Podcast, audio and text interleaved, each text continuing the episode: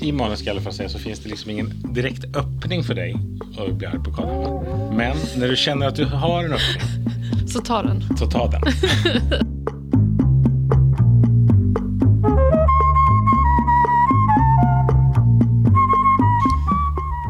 Det snöar i Stockholm. Det är onsdag den 17 januari när vi spelar in. Jag heter Daniel Svedin. Podden heter Kommentariatet. Med mig i studion har jag Johannes Klenell, Hej. Kulturredaktör Arbetet, Lotta Ilona Heirunen, Hallå, hallå. avgången redaktör för nedlagda Nya Mitten, Utkastad, hånad. men eh, med här som någon sorts inventarie. Exakt. Möbel.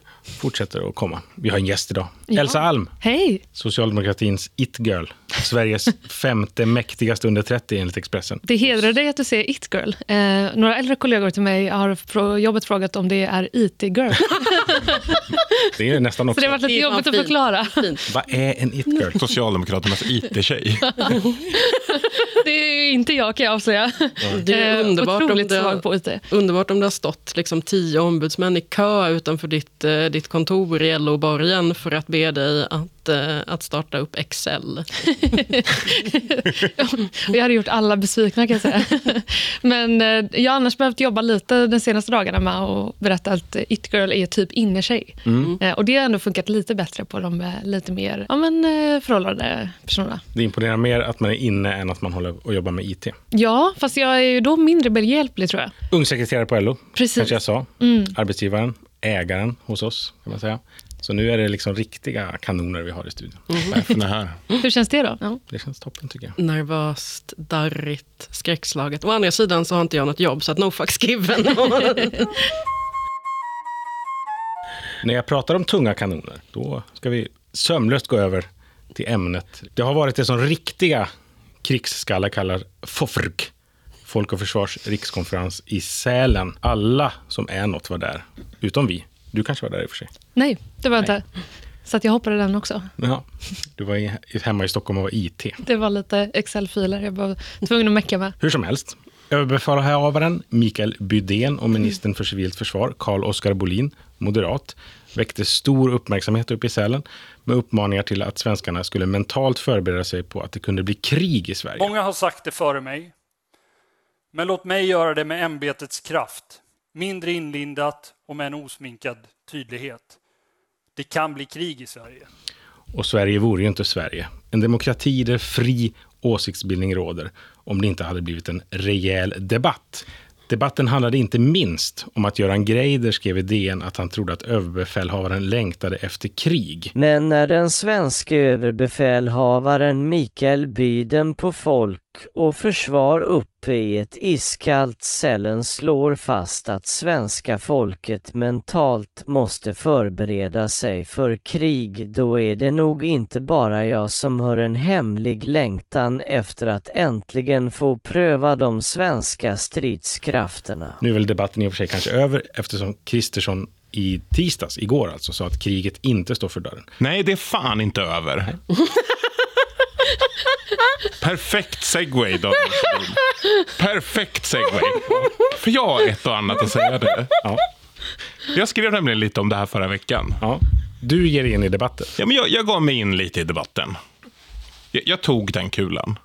Alltså i, i- innan alla andra. Så jag tyckte det var dags. Nu, nu, nu, har, nu har vi haft ett år av beredskap i Sverige. Ryssen går in i Ukraina. Ingen får säga någonting mer Två än år. nu är det pang-pang. Ja, alltså, två års beredskap. Det blir krig i Gaza. Ingen får säga någonting överhuvudtaget. Det är bara hökar, hökar, hökar som eldar på, eldar, eldar, eldar. Sen kommer Folk och Försvar. Och så börjar det påstås att det kan bli krig i Sverige. Statsministern var tydlig med vad som förväntas av alla svenska medborgare. Ytterst handlar det om att med vapen i hand och med livet som insats försvara Sverige, våra värderingar och vårt sätt att leva. Inte mer och inte mindre. Medborgarskap är inte en resehandling. Och jag vet inte riktigt vad det var som hände. Men något hände hos oss svenskar. Och jag svarade på det. Jag vände mig mot hökarna i Sverige. Och så sa jag tydligt och ljudligt. Väldigt tydligt. Ja. Det var dags för någon att helt enkelt förklara att det här är bara trams nu. Nu får ni ta och skärpa er. Statsministern börjar hetsa mot invandrare när man pratar om det här. Vi får veta att det ska vara full beredskap. Vad börjar han prata om då istället? Jo, att vissa inte är lika försvarsbenägna som andra. De vill ju inte göra ett skit. De vill inte liksom mobilisera på något sätt. De vill inte hålla på med någonting. De vill skälla på duvorna i landet, spänna sina muskler och sen slappna av igen. De vill inte betala någon skatt. De vill inte bygga något försvar. De vill inte göra någonting. De vill hetsa mot invandrare. Och vad händer? Ja, men först går det ganska bra. Många är arga. Jättemånga är jättearga. Fast dig? På mig. Mm. På Twitter. Mm. Alla gamla gubbar går till angrepp. Jag kan leva med det. Det lugnar ner sig. Jag hinner skriva lite andra texter. Jag hinner tänka på annat. Man kan inte tänka på krig hela dagarna. Det går faktiskt inte. Det är tråkigt att vara mobiliserad. Alltså jag stod i honör i säkert 10-15 minuter.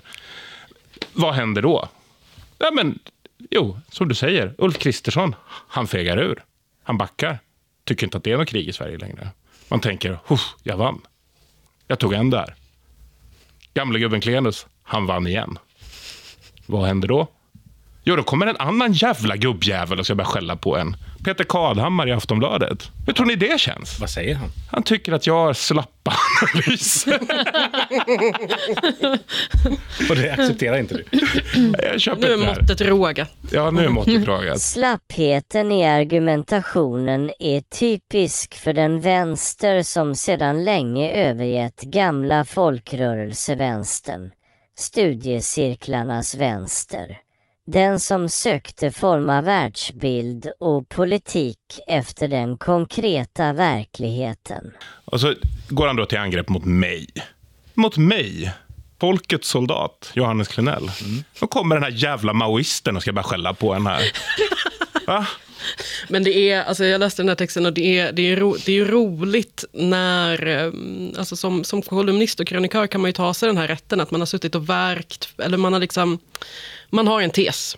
Vänstern. I en vrå med fantasier och lösa påståenden har den svenska leksaksvänstern parkerat sig. Därifrån kastar de snöbollar och skrattar sitt hehehe. Medan tjutande robotar sprider död och förödelse över Ukraina, pulserande blod över vit snö, djupaste sorg, sann förtvivlan, oförställd skräck.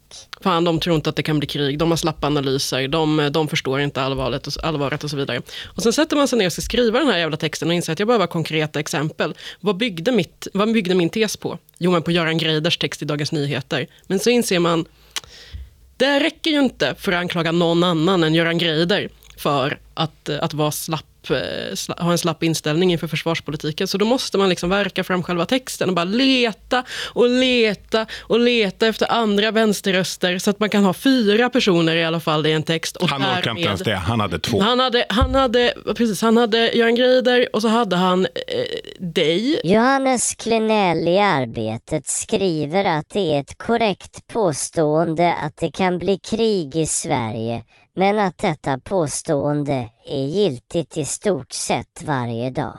Samma redaktion där liksom Sveriges högsta hök sitter, Anders Lindberg, på Aftonbladet Ledare. Alltså det går inte riktigt... Alltså, samma ledarsida som har startat, som i höstas drog igång utbildningen Försvarspolitik för vänstern, som var fullsatt så att, jag vet inte. Den, han kämpar. Skulle vi då kunna säga att uh, han anklagar Johannes för en slapp analys, men kommer själv med en ganska slapp analys? Ja, men det, den är ju slapp. Alltså, det bästa i den tycker jag ändå är när han skriver... Så fort någon av oss som gillar fred ens försökt lyfta tanken att krig upprustning inte nödvändigtvis är jättetoppen... Punkt, punkt, punkt, stridspittar i lusekofta som frimodigt tumlar runt i cellen och fantiserar om de fräcka effekter som uppstår om man atombombar Öresundsbron. Vi som gillar fred, skriver Klenell.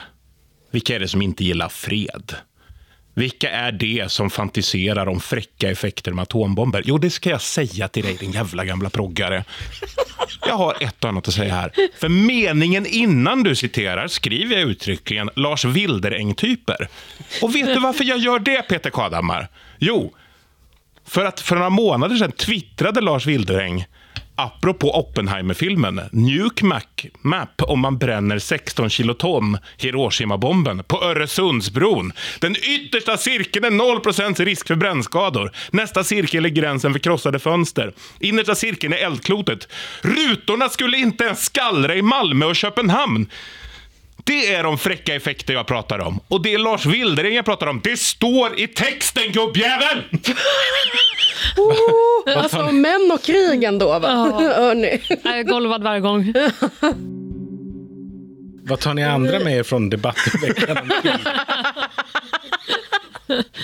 Jag tar med mig detta eh, ögonblick i mitt liv. Men eh, alltså, jag, jag tror så här, alltså det, det som väl egentligen skapade debatten om debatten, eller jag vet inte vilken metanivå vi rör oss i, men om tonen, det är ju att det var väl egentligen inte så mycket eh, alltså Mikael Bydén, ÖB, lyssnar man på vad han säger i Studio 1 så... Så jag ska tolka dig som att Ryssland är ett militärt hot mot Sverige här och nu. Det har de varit under, under hela den här perioden och de visade det inte minst i och med den storskaliga invasionen 22. Men de gick in i Ukraina redan 2014. Det är inte han som krigslamrar, utan han, säger, han, han, gör en analys om framtiden utifrån om Ryssland vinner i Ukraina, ja, då, då, då är det pyrt här uppe i Norden. Sant. Inte en, inget världsomvälvande. Hade han bara sagt det, jag tvivlar på det. det hade inte blivit en enda rubrik på, på ÖBs Liksom, ÖB krigshetsar inte, ingen hade brytt sig. Men Carl-Oskar Bolin och Ulf Kristersson eh, har ju grävt eh, si, sitt, sitt eget, sin egen skyttegrav i, i, liksom, i det här. Eh, med deras brösttoner om både invandrare, om att försvara Sverige. Eller som medborgare ska man vara beredd att försvara Sverige med vapen i hand och så vidare. Det i sig trissade ju upp tonläget. Kan jag bara som MÖP-byråkrat lite bara styrka in att så att vi, kan inte, vi kan inte ha ett tonläge som om vi hade höjd beredskap utan att ha höjd beredskap. Det betyder någonting på riktigt. Alltså att det, det, det är ett regeringsbeslut. Och då pratar man om att Sverige måste ställa om för krig. Det betyder saker och ting på myndigheter. Det betyder någonting i liksom hur vi organiserar samhället. Man börjar krigsplacera folk och så vidare. Vi kan inte ha det tonläget utan att ha politiken. Och det har vi inte. Och vi har heller inget jäkla civil, alltså civil, civila beredskapen är katastrofal. Alltså en sak som jag tar med mig från, från veckan i alla fall, utan att ha följt konferensen särskilt nära. Jag kollar inte så mycket längre på politiska utspel och sånt. Om, det gör jag mest för att undvika vinterdepressionen. Men jag hade en högstadielärare eh, när jag var yngre som hette Hans. Eh, förutom att han hade narkolepsi och brukade somna när vi hade prov, så att vi alla bytte eh, prov med varandra. Mm. Eh, så var han också ja, men ganska liksom, politiskt intresserad och brukade ofta göra lite utläggningar ifall det hade hänt något aktuellt. Eh, och jag kommer ihåg att eh, det var liksom när det var men någon ubåt som hade liksom ploppat upp någonstans i Östersjön eller liknande. Eh, och Då tog Hans tillfället i akt att ställa sig framför klassen och säga att ja, eh, nu har man hittat en, en ubåt där i Östersjön. Som vanligt, att man brukar göra det innan Folk och Försvar eh, ska komma igång. Eh, att det alltid är liksom lite så här, ja, men trissa upp läget för att någonstans få mer pengar till försvaret och liknande. Visst, allt är PR. Mm. Ja, exakt. Och att det blir lite som att ja, men man ropar på varg 10 000 gånger och eh, när vargen väl är där så, så blir det väldigt svårt för folk att reagera. Men den här gången så har ju folk faktiskt verkligen reagerat och man märker verkligen att det har blivit ja, men ett väldigt upptrissat tonläge och väldigt många har blivit oroliga. Eh, och det är klart att man, man kan förstå det. Eh, men samtidigt så kan jag inte låta bli att, att fundera på om det verkligen är så smart. För det är inte heller så realistiskt att tänka att så fort, ifall det skulle bli krig i Sverige, att varenda person någonstans ska gå ut och vara beredd att försvara Sverige. Eh, och då militärt. För det är ju faktiskt inte så det fungerar. Eh, om man kollar på exempelvis det som har hänt i Ukraina så är det såklart så att det är väldigt många som har behövt eh, man ansluta sig till militären och ta värvning och sådär. Men framför allt så ska man göra det som man är bäst på i ett krig. Alltså väldigt många människor ska hjälpa till med sjukvård, du ska organisera ett samhälle. Eh, ett civilsamhälle ska fortfarande stå starkt och någonstans organisera sina grupper. Eh, det här är minst lika viktigt som de som också tar värvning. Eh, jag vet inte, jag är ju ganska fotbollsintresserad vanligtvis eh, och jag har ly- lyssnat på mycket Erik Niva-avsnitt om vad, vad olika fotbollslag och sånt gjorde under kriget. Och först så gömde de sig i parkeringshus och sen ville nästan varenda spelare signa upp sig och även tränare signa upp sig. Men utifrån att de faktiskt inte hade någon militär bakgrund så såg Ukraina inte det heller så relevant. Trots att de är liksom, ja, men unga och i bäst form, att de faktiskt skulle ansluta sig till kriget. Och det är väl någonstans det som är liksom poängen här också. Eh, jag tycker det är jättebra att man pratar om att eh, vi i Sverige är ganska dåligt rustade inför kriser. Eh, uppenbart eftersom vi har politiker som ja, men tycker det är värt att gå på rysk propaganda och kasta den på varandra på sociala medier istället för att försöka tona ner läget. Eh, jag tycker det är jätteviktigt att prata om att sjukvården uppenbarligen har precis samma kapacitet som de hade innan pandemin, att vi lärde oss ingenting. Vi håller fortfarande på med visstidsanställningar i omsorgen och liknande, trots att en miljökris också kommer med ökad risk för sjukdomar, pandemier och andra smittorisker. Eh, sådana saker är jättebra att prata om. Men det är inte regeringen som pratar om just de här sakerna som du listar upp nu. Exakt. Så har jag i alla fall inte uppfattat det, utan Nej, men... mycket egenansvar och, eh, och vara förberedd på att bli Bunkra. krigsplacerad. Som ja, det, det, är ju det som mm. var lite min kritik då, inte det Peter Kadhammar påstår, utan att, att det fanns liksom en sorts inställning från regeringen att vi skulle liksom kriga lite mot ryssen som individer. Alltså så här, en och en skulle förbereda sig för det här. Inte att, att liksom det var upp till staten eller liksom till regeringen att, att rusta upp Sverige för den här situationen. Och, och eller stärka civilsamhället eller liknande. Ja, mm. nej men, och då tycker jag att, att det luktar ren skrämselpropaganda.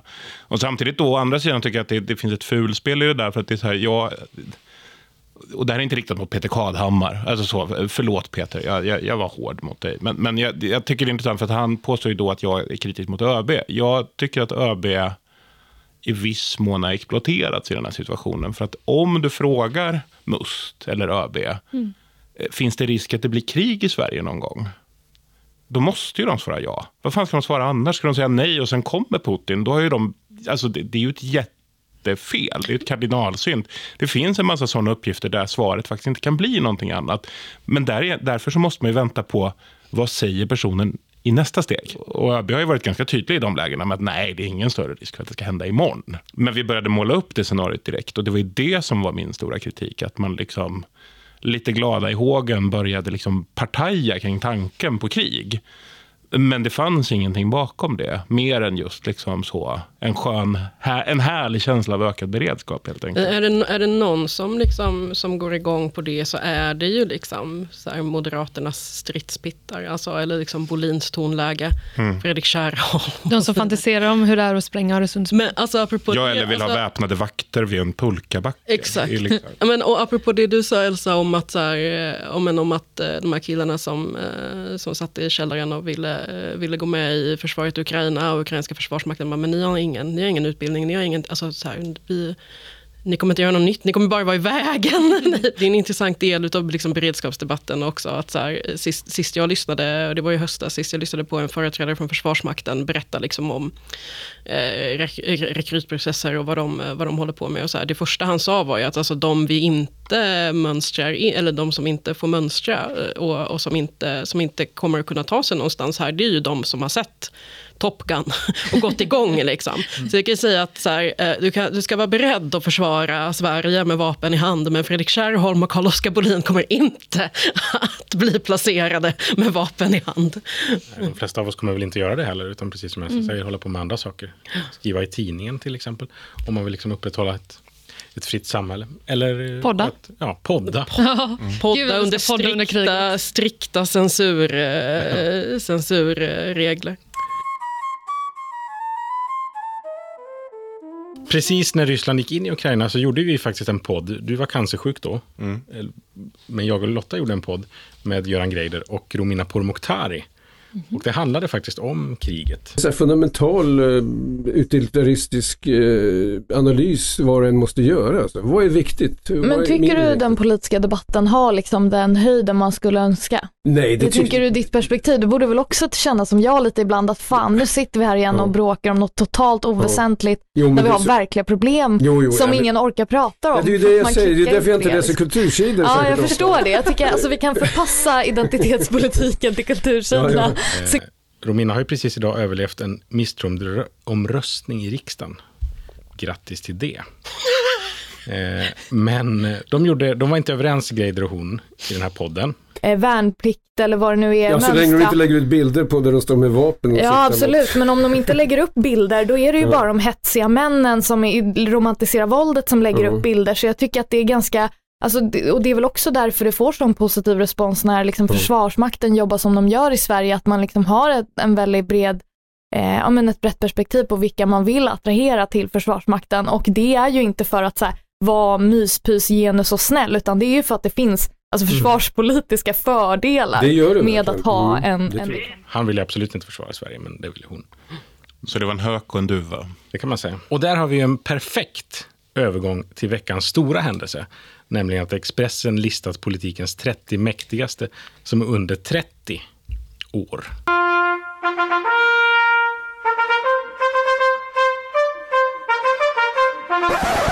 Och listan toppas av Romina Pourmokhtari för andra året.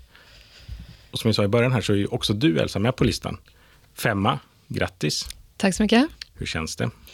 Jo men det känns eh, kul. Alltså framförallt att ens eh, jobb uppmärksammas på det sättet. Eh, vanligtvis tycker jag kanske inte att det är så roligt att ja, men, jag tror att andra människor börjar förhålla sig till en på visst sätt om man blir omskriven eller, eller sådär. Men framförallt så jobbar jag ju på daglig basis med att verkligen uppmärksamma de unga LO-medlemmarnas villkor och eh, eh, ja, arbetsvillkor helt enkelt. Och eh, det är klart att det är väldigt roligt att det också får utdelning eh, och uppmärksammas. Är du så mäktig? Eh, det beror på vem, vem man frågar. Expressen. Om, om, jag frågar dig? Hur djupt i den djupa staten går du? Eh, men det beror väl på hur man ser på makt också. Eh, jag tror att det är väldigt, att man kan se det på väldigt olika sätt. Eh, det är klart att jag har väl en, en plattform som jag pratar utifrån och representerar ganska många medlemmar. Och det är en position som är, är fantastisk och som man behöver vara mån om. Men jag tror samtidigt att det, det är viktigt, både för andra och en själv, att ja, men inte någonstans positionera sig som att man är den som styr och ställer överallt. Utan det, riktigt så funkar det ju inte. En annan sak. S la ju ner sina röster nu när riksdagen röstade om förtroendet för Romina Pourmokhtari. Idag, hon fick överleva då, hade du velat avsätta henne? Um, hade du röstat ja om du hade makten i riksdagen? alltså, det tråkiga svaret är ju såklart att ett sånt här misstroendevotum aldrig ska användas för att eh, ja, men, eh, vara i politiskt spel och liknande. Och jag har ju många gånger sagt att jag tycker att det politiska tonläget är ganska högt för tillfället och att man faktiskt skulle må bra av lite lägre tonläge eh, från båda sidor och någonstans liksom, ja, men tona ner. Alltså, inte minst med tanke på det som vi pratade om innan, att Sverige faktiskt är ganska utsatt för yttre påverkan som, som tjänar på att Sverige är splittrat och eh, att vi vänder oss emot varandra. Men mina personliga åsikter om Rominas politik är ju någonting annat. Där tycker jag ju att, eh, eh, att det är för dåligt att Sverige inte för en, en klimatpolitik som ja, men någonstans kommer leda till att vi minskar utsläppen och, eh, och faktiskt eh, se till att minska den här risken för att stora pandemier och sjukdomar sprids i Sverige. Vilket, eh, vilket det faktiskt kommer bli med ett varmare klimat. Så Nej, det är väl mina åsikter om hennes politik. Men jag tror att man kanske ska vara försiktig med det här misstroendevotumsmedlet. Skulle det vara värt det för att få hoppa upp en position på listan över Sveriges 30 mäktigaste under 30? alltså... Kvinnan som fällde Romina. alltså... För då är hon ju inte så mäktig längre. Nej, verkligen. Mm. Du menar att hon skulle avsättas? Ja, du menar så. Mm. Ja, är hon inte miljöminister längre, då är hon inte lika mäktig. Så då mm. måste hon ju... Men då, det betyder ju att uh, den som skulle hoppa upp ett steg hade ju blivit Tobias Andersson. Mm. Och han hade ju blivit Sveriges mäktigaste person ja, under 30. Eh, då har du lite, lite av en mindfuck här framför dig. Alltså så här, skulle det vara värt att sänka Romina om det kostar att Tobias Andersson blir mäktigast i Sverige? Vill man leva i ett Sverige där Tobias Andersson är Sveriges mäktigaste person under 30? Jag vet inte. Han är ju nu, enligt den här listan så är han ju Sveriges mäktigaste man. Skulle ju fortfarande vara med på listan. Men i den här sorgligaste delen, den lilla, lilla fotnoten som kommer längst ner, där de listar alla som har åkt mm. ur listan från förra året. Men är det på grund av ålder då? Nej, de är... det, det, det är lite olika. Vissa är på grund av ålder och andra är för att, eh, för att Viktor Bartkron på Expressen inte tycker att de är relevanta längre. Det, det är, finns ju någonting otroligt sorgligt med att Sveriges mäktigaste man under 30 är så mäktig, mest för att han gillar pattar och rasism. Alltså, för det är väl det enda han är känd för. Ulf. Kristerssons Sverige. Ja, nej, men det är väl... Ja, vi kan läsa Expressens motivering. Jag har ju den här. Det stod, eh, det stod i hans motivering att han gillar att han är festglad. Ja, det- Ja. Uff. Det, det är ändå kvällstidningssvenska för... eh, Han har lyckats imponera... det är det. Han har redan lyckats imponera på delar av näringslivet och är direkt inblandad i Tidöpartiernas viktiga förhandlingar för att bygga ny kärnkraft. En avgörande Yeah, right. fråga för högerns chanser. Han är mycket känd för att han gillar att bygga kärnkraft. Jätte, jättekänd. Det är exakt vad Tobias Andersson är känd för. Exakt. På pricken Expressen. Påläggskalv, festglad rubrikmakare. Han gratulerade Romina på Twitter igår och sa så här, tack för ett bra samarbete. Tillsammans gör vi Sverige fritt och vackert. Det tycker jag var roligt med tanke på hur mycket skit hon har skrivit om honom förut när hon var anti-SD. Jag tror verkligen att hon har typ använt den exakta formuleringen jag tror inte du fattar hur korkad jag tycker du är. Eh, Följt av någonting, någonting rassetobbe. ah. Mm, mysigt. När man läser listan, eh, vi återkommer till den lite mer detalj sen, så är det ju en outhärdlig rad av plugghästar och broilers som liksom har politik som intresse. Är det du? Ehm, nej. Du gillar fotboll och rock'n'roll. Kvinnornas Tobias Andersson. Rock'n'roll. Ja, verkligen. Ehm, nej, men alltså, jag är väl inte så politiskt överintresserad. Jag tycker att det är, alltså utifrån den rollen jag har så får man ju jobba framför allt mycket med att förbättra för, för människor och, och någonstans sätta... Och det är väl mycket av det fackliga arbetet också, att du faktiskt gör någonting för någon annan än dig själv. Och just det så gillar jag väldigt mycket. och Jag är mycket en föreningsmänniska i grunden. Men eh, just det här med att vara överintresserad av politik och vara en, plugghäst skulle jag inte heller kunna kalla mig. Det är jag. Eh, nu ska du ha ett litet segment, Lotta. The Roast. Ja! Den perfekta segwayen. Underbart, Nej, tack. Jag kan väl lägga en liten bumper eller vad det. Eh, nej men jag, vi- vi satt här lite innan när vi visste att du skulle bli gäst och funderade på vad vore kul. Tänkte att det vore kul, Elsa, om du fick, eh, fick roasta dina fy, fyra företrädare på den här makthavarlistan. men det behöver inte vara, det, det, är liksom, det är bu eller bä-frågor, alltså om, om de fyra som har, eh, som har överträffat dig i makt under året. Så då är frågan, Romina Pourmokhtari, bu eller bä? Alternat och gärna någon sorts liten utläggning. Hmm. Ja, men får nog ändå bli bu. Eh, jag kan ju hålla med om att eh, Romina är en väldigt skicklig retoriker, men jag tycker att det skiljer sig ganska mycket från att vara en skicklig politiker. Eh, jag är inte jätteimponerad över det eh, hantverket som går ut på att tycka en sak innan valet och en sak efter valet eh, och kunna göra kovändningar på en femma. Eh, tvärtom så tycker jag att eh, det är ganska viktigt att hålla en personlig integritet och faktiskt stå och tycka någonting. Eh, inte minst när man faktiskt har byggt sitt varumärke på det. Så ja, får väl bli en liten bud där. Också när man väl får den makten som man har velat ha. Liksom. Ja, det är obegripligt. Men ja, Tobias Andersson, bu eller bä? Ja, jag får ju säga bu såklart. Inte för det här med att vara en, en festprisse eller hänga med Paradise Hotel-deltagare. Det kan man tycka vad man vill om. Jag kan tycka att det piggar upp. Eh, det hedrar honom att han gör någonting annat än att sitta och läsa hela kvällarna eller eh, sitta bänkad med popcorn framför partiledardebatten. Då tycker jag det är roligare att han hänger på hotellrum med eh, Paradise Hotel-deltagare och eh, dricker vin mellan folks pattar. Men utöver det så är han ju eh, såklart lite av en, eh, om man inte ska använda R-ordet, om ni fattar vad jag menar, så någonstans åt det hållet. Eh, det är klart att det går att följa hans framfart på Twitter, där han både lägger ut hetsar mot minoriteter och eh, har ett allmänt trev, otrevligt tonläge mot folk. Eh, så att om vi pratar om, eh, ja, men om Sverige och skydda Sverige och sådär, så kan man väl säga att eh, det är väl inte jättebra då att eh, trissa upp en stämning som redan är ganska brutal. Anton Fendert, Miljöpartiet. Alltså, min kompis eh, som läste listan eh, innan jag hade kollat igenom den eh, skickade en bild på honom eh, till mig och skrev när, vi får, när får vi bort den här summan. Eh, jag tror bara han hade läst motiveringen som var någonting, någonting om kollektivtrafiken i Stockholm. Mm. Jag hade ingen aning om vem den här killen var.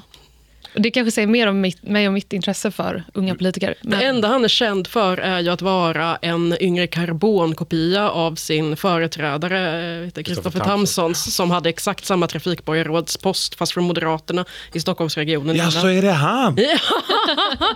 Miljöpartisten. Ja. Seko är ju väldigt arg på honom. Ja, vem är inte arg på honom? Det, det, det är väl det han är känd för. Var det han som höll det här talet där han skojade om tågvärdarna? Ja. Mm. Ja, då får han ett bu faktiskt. Susanna Silversköld, bu eller bä, Moderaterna. Alltså, jag har ju en ganska pinsam situation med henne en gång. Eh, jag stod på en fest och pratade om hur illa jag tyckte om hennes tweets. Eh, för jag tyckte att de var liksom, men vad hon än la upp så var det liksom sossarna, sossarna, Magdalena Andersson, sossarna. Och det var liksom, ja men jättetråkig ton, eh, jättetråkiga tweets. Det var liksom, allt var supervridet och bara peka på ena sidan och allt så. Det var, det var liksom noll, noll intellektuell botten i det. Alla gånger Susanna Silversköld twittrat om Magdalena Andersson i januari 2024. Som nyvald partiledare hånade Magdalena Andersson kärnkraften inför jublande partivänner.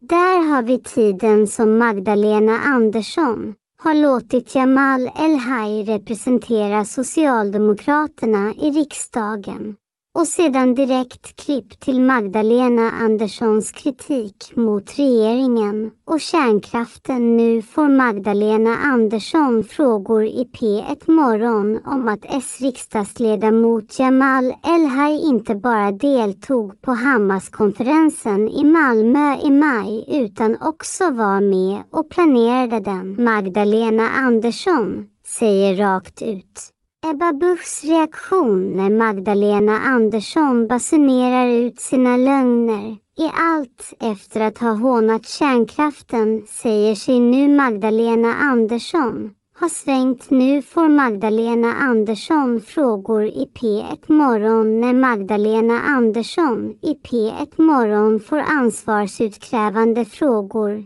när vi hör Magdalena Andersson skylla ifrån sig. Utöver att Magdalena Andersson tycker det är splittrande att klargöra vad ett svenskt medborgarskap innebär när Magdalena Andersson i P1 Morgon ställdes till svars. I Magdalena Anderssons installationstal i november 2021 hånade hon kärnkraften.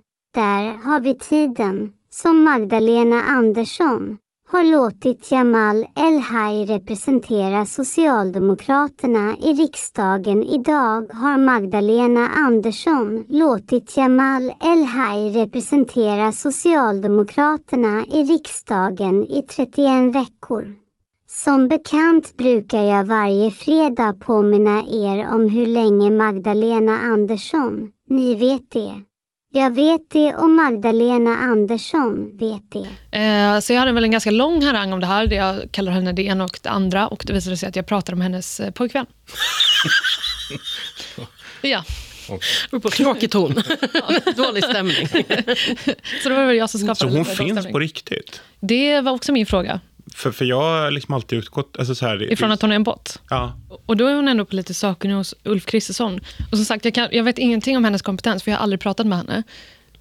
Men bara baserat på den här internetpersonen så är jag ju inte jätteimponerad. Det kan jag inte påstå. Så det blir bu på alla, före dig själv på listan. Vilken intressant slump. Eh, För de är här nu. Har någon av er andra blivit utsedd till ung och lovande i rikspressen? Det här är en ledande fråga. Ja, det är en ledande Uh, fråga. nej, aldrig. Daniel har nämligen varit... Jag har varit ung. Eh, Men då var det mer så här mäktig i framtiden. De spådde stora saker om mig. Och här sitter jag nu och leder en podd med såna Sveriges femte mäktigaste. Ja, precis. Men två riktiga hästbins. Men jag, jag, jag var ju närmast att komma in på en sån där lista när det var vilka eh, de politiska tjänstemännen följde på Twitter. Där du och jag var precis utanför, enligt texten. Nästan. vi var nästan med på listan. Där vi omnämndes lite så, som ett litet tröstpris i artikeln. lista gjorde Fokus också, någon Almedalen. Då hade de, eller om det var Dagens Opinion, hade frågat så här, vilken ledarskribent är bäst? Då var jag precis utanför. Bubblade utanför topp 10.